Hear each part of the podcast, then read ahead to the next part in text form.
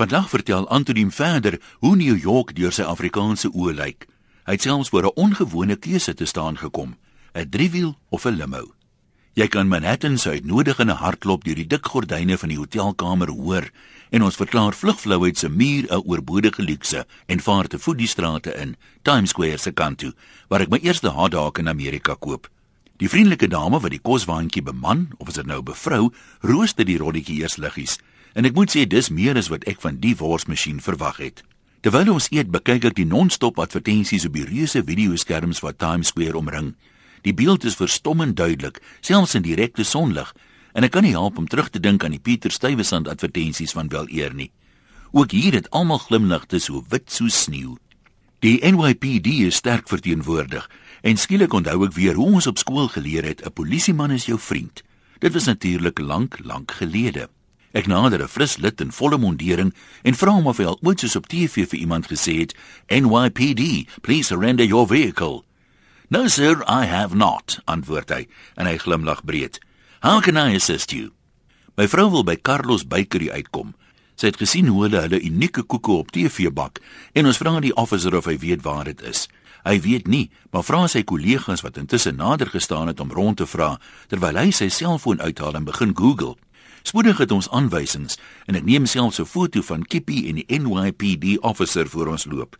Het ons dalk toevallig in die bemarkingsafdeling van die NYPD vasgeloop? Hulle kan tog nie almal so opvaardig wees nie.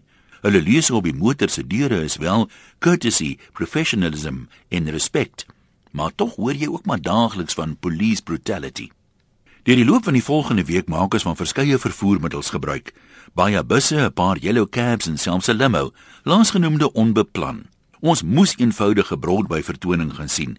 Dit was puik, maar die teater het die minste beenspasie wat ek al ooit beleef het.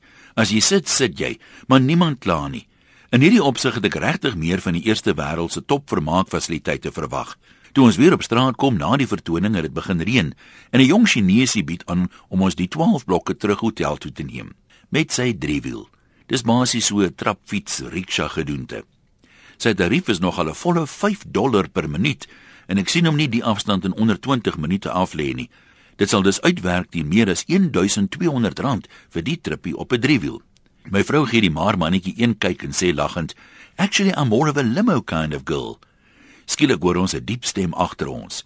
"I absolutely agree, ma'am. Where can I take you?" Dis 'n man in 'n swart pak en hy beduie na sy wit limo wat langs hom geparkeer staan. Hy vra 40 dollar. Wat toe so 'n reuse winskoopie klink. Syne dat sy voertuig darm baie goedkoper en luukser as die driewiel is, klim ons toe maar so grasieus as moontlik in met ons stywe litte na die Broadway show. Die verskeidenheid toergidse is so uiteenlopend soos New York self, maar almal praat van our great nation en our great leaders. Selfs al verwys hulle na die Hollanders wat Harlem sy naam gegee het. Verseker was nie almal ewe groot leiers nie.